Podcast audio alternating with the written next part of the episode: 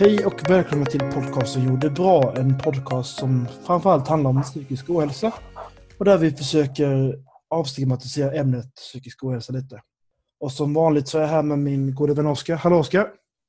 Hej Tobias! Eh, det har ju gått ungefär tre veckor sedan vi spelade in sist och det är ju för att hänt massa saker i våra liv och så då vi inte har kunnat sätta en dag då vi bägge har kunnat så att, så att säga. Liksom. Men vad har hänt med dig sen sist Oskar?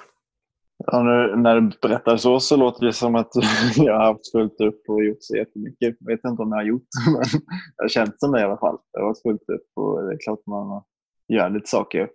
Men jag har hälsat på lite familj, husfamilj.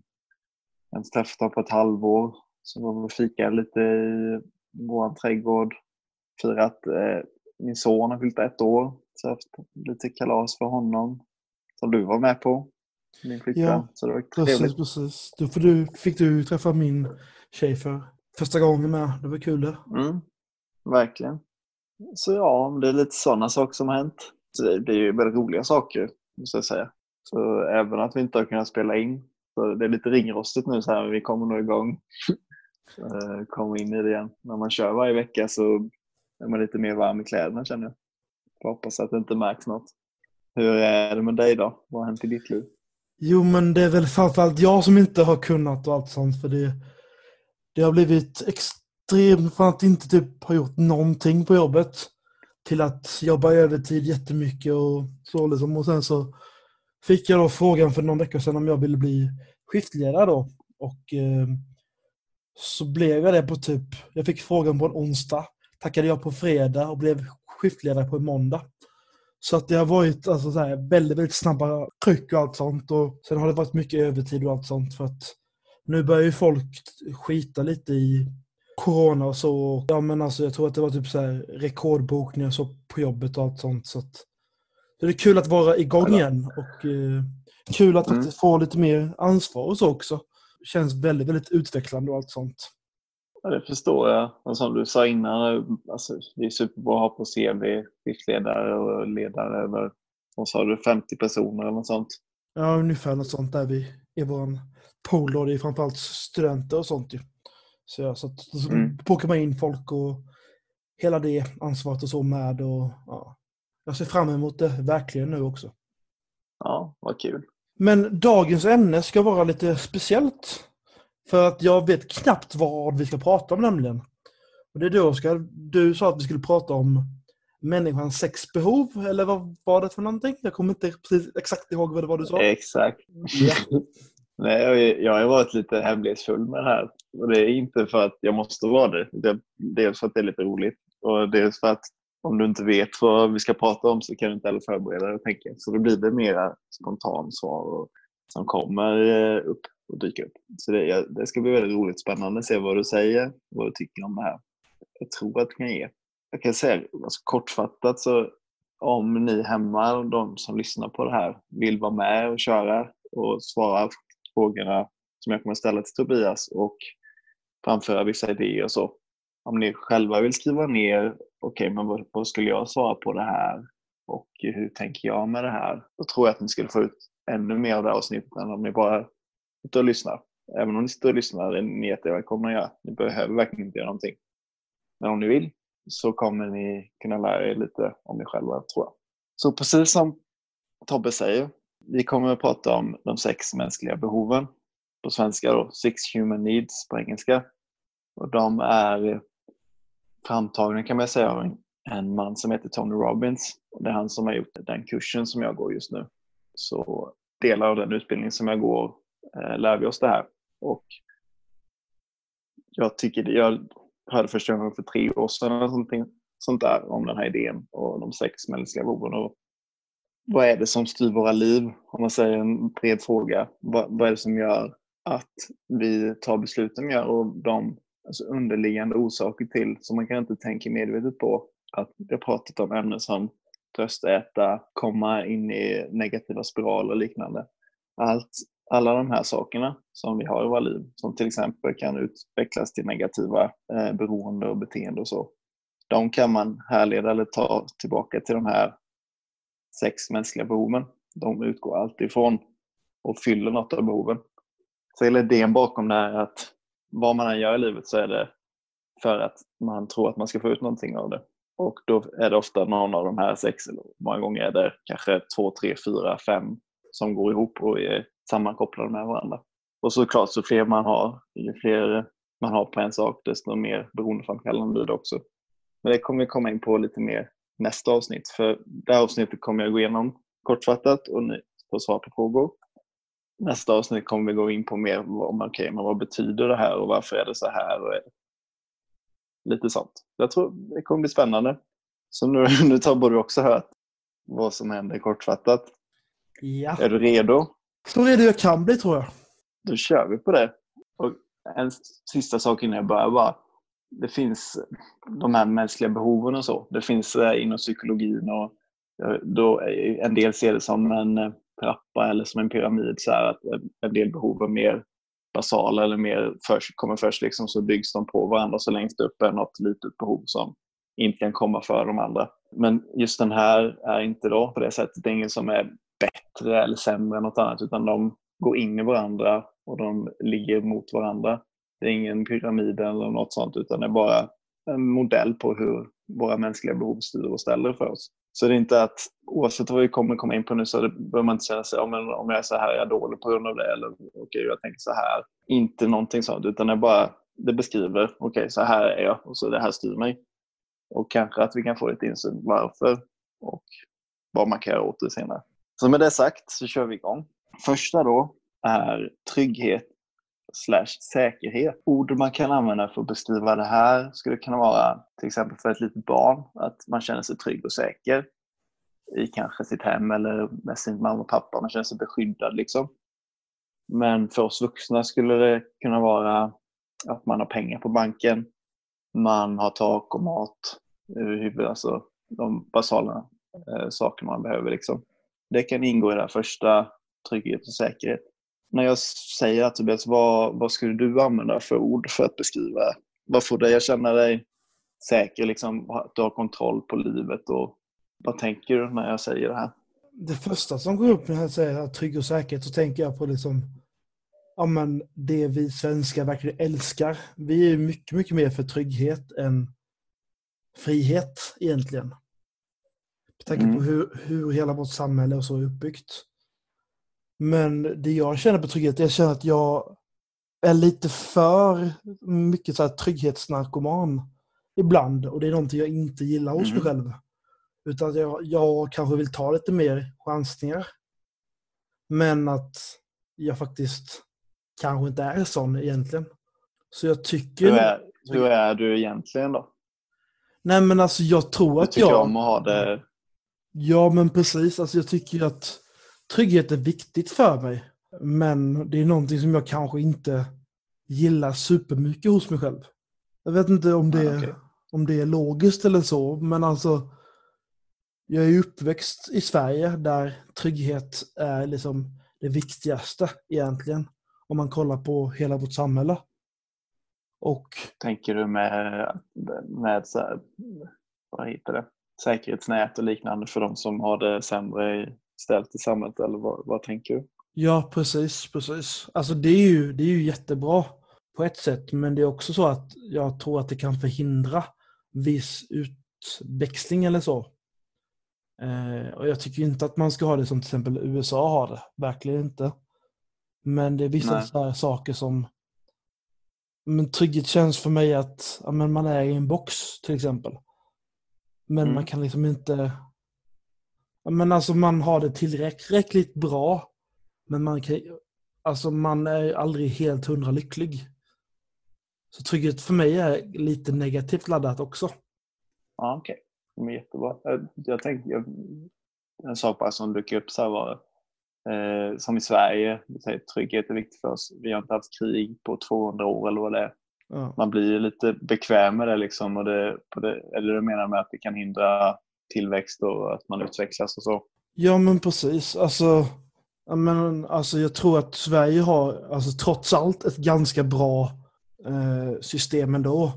För att vi har ju mm. ändå typ väldigt många drivande människor och allt sånt. Eh, men jag tänker också alltid på det här med, med att alla ska klara sig men man stimulerar inte de som är extremt duktiga. Tänker på att jag har en lillebror som, som lärde sig läsa extremt tidigt. Och han fick liksom Mm. sitta och lyssna på alla andra. Ja, just det. de läste. Jag tror jag har nämnt det för dig också tidigare, Oskar.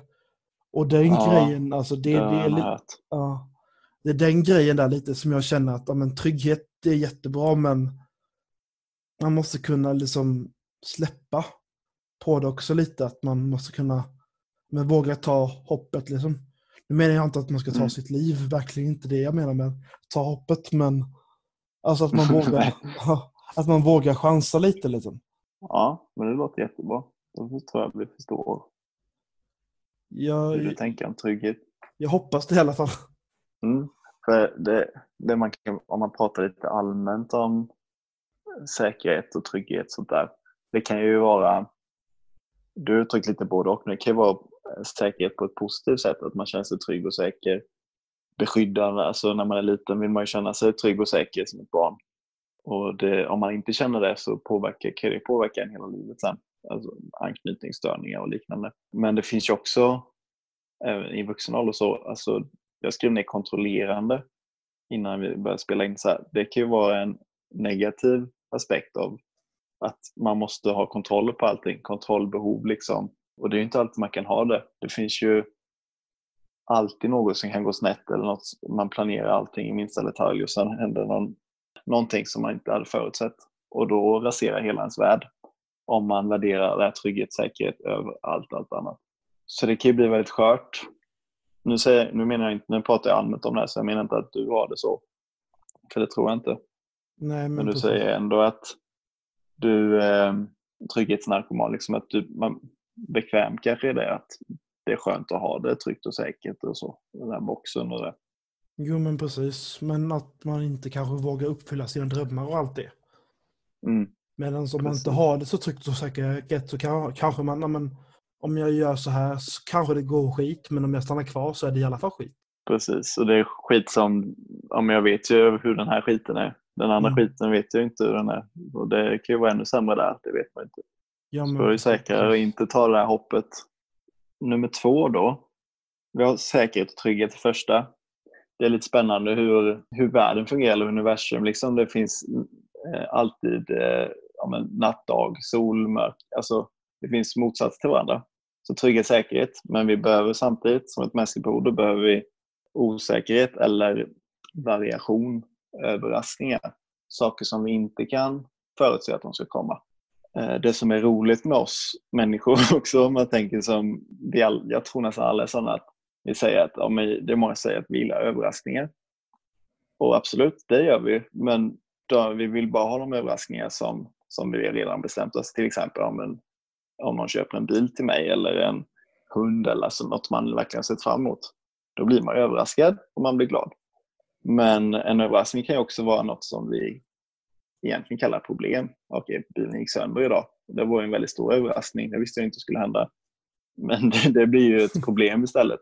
Vi, det, vi, det är fortfarande en överraskning, men där är det inte något bra. Det tycker vi inte. Vi vill inte ha överraskningar som vi inte vill ha. Så vad, vad har du för ord att skriva det här? Vad, vad får du... Eh, vad har du i ditt liv som ger dig alltså, utbyte, något nytt kanske, någon variation? Kanske till och med överraskningar. Vad har du för saker? Nej, alltså innan jag träffade min flickvän så var det ju typ gå på dejter. Det var ju en grej. Mm. Och så var det, men hur är den här personen liksom? Mm. det är ju, det är ju en, en osäkerhet som jag är ganska glad att jag slipper just nu. Även om det var lite spännande så. Mm. Eh, annars så, jag vet inte. Alltså man vill ju alltid säga att man tycker om överraskningar, att man tycker om det okända Mm. och så. Och jag känner mig väldigt, väldigt nyfiken om det så jag vill ju gärna veta mer om allting. Och det Mm. kanske också är en del i så här, ja men det osäkra och så liksom och allt sånt. Och... Men när du pratar om så här universum och så, hur allting funkar. Alltså visst, jag är lite nyfiken på det, men jag är inte så typ att jag måste komma på hur allting funkar, så att säga. Nej. Det är så att jag typ så här tänker mycket på typ, men finns det liv på andra planeter och sånt? Den typen Nej. av stora så här existentiella tankar. Visst, okej, alltså jag tror att de flesta tänker ju sådana tankar då och då också, men jag tror att livet blir väldigt, väldigt tråkigt om man bara har samma rutiner hela tiden. Utan men variation Mm. och sånt är ju väldigt bra. Känner jag i alla fall. Och det, det finns ju olika, man kan kalla det grader kanske, eller nivåer av variation. Alltså, jag vet ett exempel jag hörde någon gång att har, har du någon gång kollat på samma film två gånger? Har du sett en film två gånger någon gång, eller kollar du alltid på nya filmer? Nej, nej, herregud. Jag har sett några filmer många gånger. Eh, Var, varför gör du det då? Men För att jag tycker att de är bra. Jag tycker om den, Exakt, känslan den filmen ger mig. Liksom. Det är samma sak. Alltså, så, precis. det är en sak som jag kommer tänka på nu. Liksom. Alltså, vi lyssnar gärna om på samma låtar om och om igen. Men vi ser inte en Mm. film. Men det är typ, alltså folk kollar oftast ner på folk som ser filmer om och, och om igen. Mm. Det är ändå lite spännande, tycker jag. Det är det verkligen. Så det är kanske någonting som vi kan prata om senare, eller kanske nu också. Absolut. Det, att, det här, jag tänkte med det. Mm. Men så att, att vissa kulturformer är verkligen inte okej att se igen.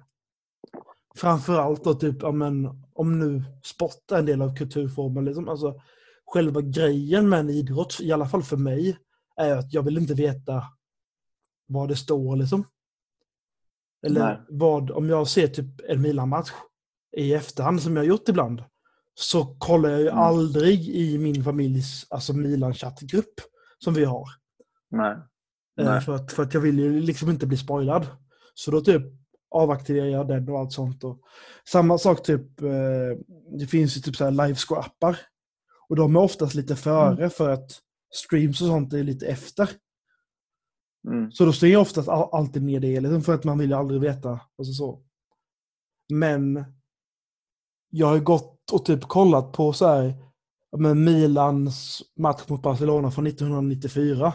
Det kände jag att jag, jag måste Mm. se den matchen för att ja men alltså allting som var runt omkring den och alltså att Milan var nederlagstippade men man slog Barcelona med 4-0 i alla fall och hela den grejen liksom. Och jag var bara så här, jag måste ha sett den här matchen liksom för att ja, men jag var liksom ett år då. Mm. Och det är ju också samma sak typ med ja, VM-krönikan 94 som jag nämnde i en tidigare episod med. Att jag har sett den Mm. säkert 20 gånger liksom. Och jag var ett år när det hände. Jag kan ju inte komma ihåg sommaren 94 som folk som är äldre än mig gör.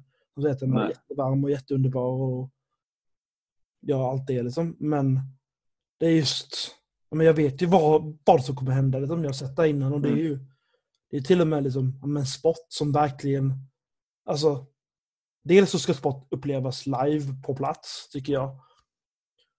Men om man Mm. inte kan det och ser det på tv så kan man ju inte se match om egentligen. En gång till. Men ibland så vill man bara uppleva det här igen då. I alla fall liten känsla Ja. av det. Och det är. Jag tänker på två saker nu. Jag tror vi börjar med, hade du hellre sett, du vet att det, för två månader sedan spelade de en supermatch där de i 19 minuten eh, fick in ett avgörande mål, 4-3 säger vi. Det var spännande hela matchen och de vinner i slutminuterna. Eller hade du sett en helt ny match där du inte vet om det kanske kommer vara en skitdålig match, det kan vara världens bästa match. Men du vet inte, det kan vara mot ett, hyfsat lag säger vi. Hade du hellre liksom lagt det säkra kortet och fått du vet redan att det kommer vara en bra match eller har du tagit det osäkra kortet och gamblat på att ja, det kanske blir en bra match? Ja, alltså jag hade ju hellre sett det nya som jag inte hade upplevt innan. För att det är Mm. ju det som är själva charmen med, med all sport. I alla fall i min värld. Eh, själva historien bakom allting. Att och- inte veta vad som ska hända. Precis, precis. Det är det verkligen. Mm. Jag kollar hellre på Milans match. Ja, men, de spelar mot Lecce nu på måndag igen. En match som typ Mm. egentligen inte betyder någonting för Milan. Och eh, som...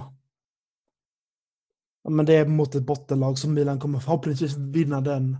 Men jag ser hellre den än att gå tillbaka och kolla på ja, men Milan mot Liverpool 2007. Eller så. Mm.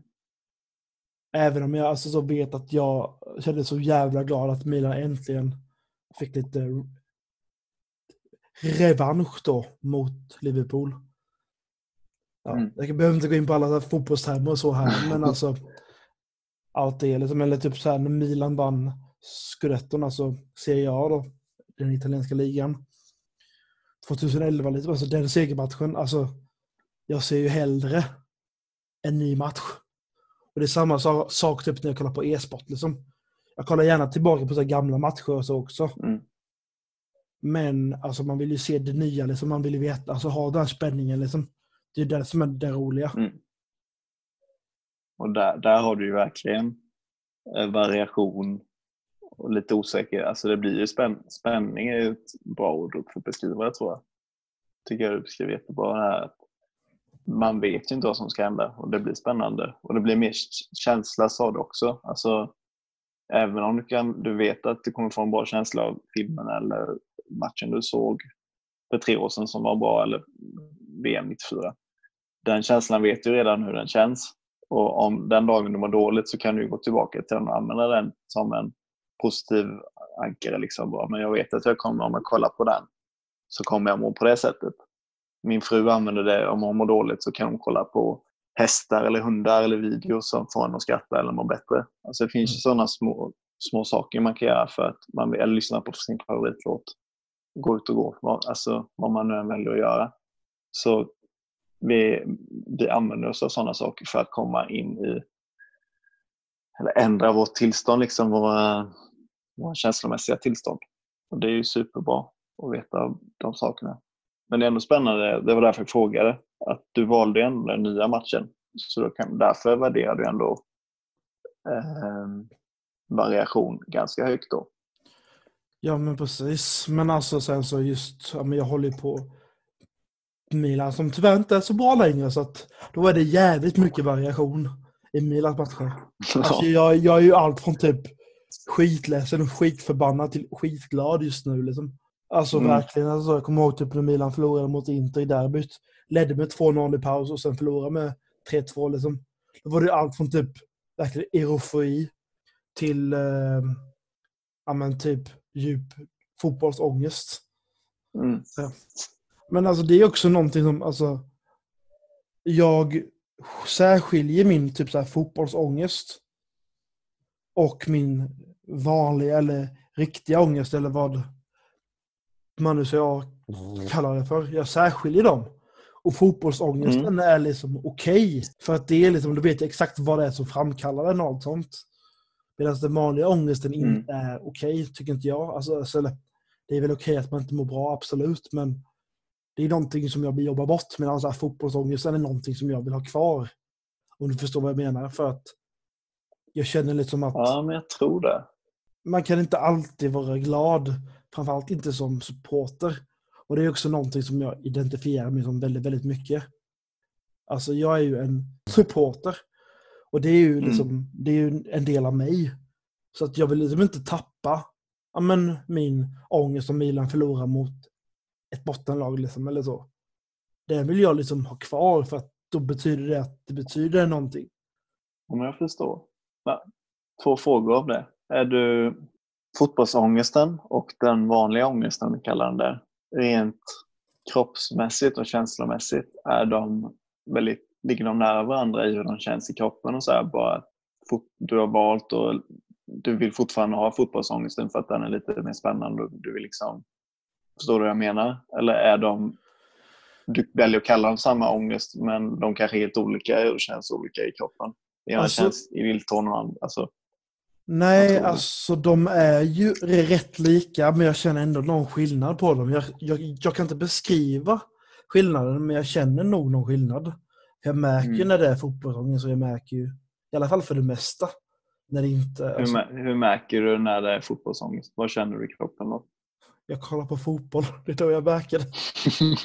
Nej, men alltså, jag vet faktiskt inte, jag kan inte beskriva det så väl tyvärr. Men jag tror nog, alltså, de är ju rätt lika i alla fall. Men just alltså, det är aldrig den här, typ, den här gnagande ångesten som jag har när jag inte kollar på fotboll. Eller så. Medans typ, Men tror du, jag vet tror du inte. det Alltså, att du vet, du vet att det är, nu som du säger, du kollar på fotboll, så nu om den här känslan kommer gnagande så beror det på fotbollen, inte på något annat. Och annars om du inte vet var den kommer ifrån så är den mer obehaglig. Ja, alltså. Jag tror det är så i alla fall. Eller det låter Mm. väldigt, väldigt logiskt när du säger det. Och det är också därför som jag accepterar fotbollsångesten. Medan jag Mm. försöker jobba för att bli av med den andra ångesten. Men det kan också handla typ, alltså jag kollar på liksom någon med stor Dota-turnering eller vad som helst liksom. Då jag håller på ett lag. Och det är också bara för att alltså jag måste hålla på ett lag, annars tycker inte jag det är kul att kolla på någonting. I stort sett. Mm. Visst, okej, jag kan se Champions League-finalen eller så, men alltså Ja. eh, eller VM-final, eller EM-final eller EM-semi eller vad som helst liksom. Men då är jag absolut inte lika intresserad som när mitt lag spelar, så att säga. Jag tänker att vi kör en, eh, vi kör två nu. Eh, Trygghet eh, och säkerhet och variation och osäkerhet. Eh, Så jag tror vi hinner med en sista. Och Absolut. så rundar vi av och sen nästa avsnitt så går vi igenom de tre sista och så kan vi kanske inte jämföra ett bra ord men vi kan gå igenom lite. Okej, men vad betyder det här och vad innebär det och vad kan vi göra framöver? Va- Varför gör vi det ens? Liksom, kan vi få några, fick vi några insikter eller var det helt meningslöst? Förhoppningsvis har vi några insikter i slutet. Ja. Men det tar vi nästa avsnitt. Nästa då, tredje. Eh, det översatte jag till känna sig betydelsefull. På engelska är det significance. Jag översatte till känna sig be- betydelsefull. Men känna sig behövd. Att Mm. man känner att det jag gör är meningsfullt. Men det kan också vara att man känner sig betydelsefull genom att ha en viss typ av märke på bilen. Eller märkeskläder. Eller alla som har hejar på Milan är eh, jättehärliga medan de som är inte fans är dumma i huvudet. Alltså, du fattar vad jag menar. Man, man kan få nästan som en samhörighet med de andra som man får samma känsla med. Liksom. Betydelsefull eller ja. Det kan också få, jag skrev legacy på engelska. Alltså man, då är det mer en, genera, en hel generation, generationer framöver att man var betydelsefull. Man lämnar något efter sig till dem. Liksom. Att man Mm. inte är helt, man dör och sen har man helt bortglömd. Liksom. Det kan också vara en typ av significance. Vad skulle du använda för ord för att beskriva det här? Nej, nej, men det du sa när du pratade om lite legacy där, det var det jag tänkte på först. Alltså jag Mhm. sa redan från när jag var tonåring tror jag. Men så här, jag vill bli ihågkomd av någon som inte känner mig. På ett positivt sätt. Mm. Alltså jag vill inte vara Hitler, om man säger så. Det tror jag inte att någon Nej. människa vill, vill, vill vara. Men, men på något sätt positivt eller så. Men jag har inte den driv- drivkraften idag lika mycket, men, ja, men jag vill ha hjälpt människor som inte jag behöver hjälpa. Om Mm. det är någonting som, om du förstår vad jag menar. Alltså till exempel, men jag behöver inte bli fotbollstränare för ungdomar. Men det är någonting jag vill bli sen. Liksom. Då är det för Mm. att utveckla folk och jag har typ redan tänkt att man ja, men tolerant mot vissa känslor och ingen jävla homofobi eller sexism eller sån skit också. Alltså så, och verkligen Nej. typ, men typ vara någon form av extra upp, uppfostrande kraft till folk och så. Den grejen vill Mm. jag jättegärna göra. Men sen så, jag vet ju inte om, om det kommer bli bra eller så. Men jag, jag hoppas det i alla fall. Så det är, ju, det är ju lite det jag känner. Alltså, jag tror inte jag är rätt man till att göra det här, men på något vis om man får folk från lite ut, utsatt, satta områden att istället för att börja bli lite småkriminella, att de ska spela fo fotboll istället. Liksom. Mm. Och hela, hela den grejen liksom. Det är någonting ting som jag verkligen så här brinner för. Och, eh, det var någon gala, jag vet inte om det var Idrottsgalan eller så, där de typ där hyllar vardagshjältar. Då är det ofta typ någon, ja, men, någon gammal, gammal boxare som öppnar en bo boxningsklubb i, ja, men, om det var Rinkeby eller något sånt. Jag har det här, jag kommer inte exakt ihåg det här, men, men verkligen så, jag började storböla för att jag tycker att den grejen är skitvacker att göra liksom. Mm. Och det är liksom någonting som jag gärna vill göra. Och ja, men så här, känna sig ja, men behövd och ja, men omtyckt av folk som, som inte är ens familj eller, eller vänner då, så att säga. Jag vet inte om det var frågan, eller svaret rätt på frågan. Jo, men det, det, låter, det låter jättefint. Ja, superbra mål att sträva efter. Det, Om fler gjorde det så hade det varit mycket bättre. Jag, tror, jag tänker på, om man utvecklar lite mer, vad, vad har du idag om vi kollar på ett liv idag som får dig att känna de här för det här är framtidsdrömmar och liknande så, som Precis. lägger sig ju mot framtiden. Vad mm. har du i nuet som du får, eh, får dig att känna dig behövd, känna dig nytta? Skrivit, ja, precis, ja, precis. Vad säger man? jag vet inte, men jag, jag, jag absolut, jag, jag förstår. Och det är framförallt mina syskon då liksom, som jag mm. men, verkligen känner att men dels så stöttar de mig och dels så stöttar jag dem. Och det är verkligen någonting som jag känner väldigt, väldigt tacksamma till. Att vi har den relationen idag med. Liksom. Framförallt alltså Andreas och han som är två år yngre än mig, han, eh, han har ju, har ju alltid varit bra vänner och så. Men nu så har jag ju även utvecklat den typen av relation med mina två syskon som är åtta och tio år yngre än mig också. Liksom. Mm. Och ja, men verkligen så jag känner mig liksom behövd av dem och det är verkligen en skön känsla, känner jag. Mm. Jag förstår. Och jag tror, jag tror jag pratar om det, men det, är det så att ibland är det du som är den som hjälper mentorn, om man ska säga. Och ibland kan du komma med om jag har mått dåligt idag så kan de vara den som stöttar. Och liksom, att ni kan byta de rollerna fram och tillbaka lite. Har jag eh, rätt i det eller har jag missförstått att det kan vara så? Nej, nej men absolut. Alltså, de har ju stöttat mig. Även hon som är 17 har ju stöttat mig extremt mycket också. Nu i mitt mm. dåliga mående och allt sånt. Och det är jag extremt tacksam över. Så det är verkligen någonting som jag känner men, tacksamhet till och uh, så. Och sen ska jag också tilläggas till alltså, men, att jag kan hjälpa men, min tjej nu när hon inte mår så bra. Att mm. jag kan hjälpa henne också. Det känns också verkligen som att men, man känner sig som behövd och så. Det, det, det tror jag är väldigt, mm. väldigt viktigt för just mig. Liksom. Det, det, är viktigt för, jag överdriver inte om jag säger alla, alla måste känna sig behövd. Jag tror det är ja, därför så många äldre på äldredomshem och liknande mår så dåligt för att man är inte man har ingen nytta längre, liksom. man har inget jobb, man tillför ingenting. Man, de kommer hälsa på en gång i månaden. Liksom. Det är nog därför många dör, alltså blir sjuka, sjuknar in och blir, inte lever lika länge. Man måste känna sig behövd och måste mena att man mår väldigt bra av det. Man blir mer hälsosam. Så det, i den eh, formen är det en väldigt positiv drivkraft, tänker jag. Mm. Jag tror att vi rundar av där för detta avsnittet. Ehm, så kommer vi gå in på de tre sista nästa gång. Och förhoppningsvis hinner vi prata igenom lite också vad detta innebär och vad, vad vi kan gå efter det här. Liksom. Hur, hur går vi vidare från det här? Ja, precis. Annars så kanske det blir tre avsnitt på just det här ämnet också. Ja. Det, det är inte helt fel det heller. Nej, det hade ju gått det med. Vi får väl se nästa avsnitt för nu blev det ju ganska lagom bra på de tre första. Då kan ni som vanligt då nå oss på Facebookgruppen Jo det är bra och även på e-posten jo det är bra gmail.com. Och då säger vi hej då från podcasten Jo det är bra. Bye bye. Hej då.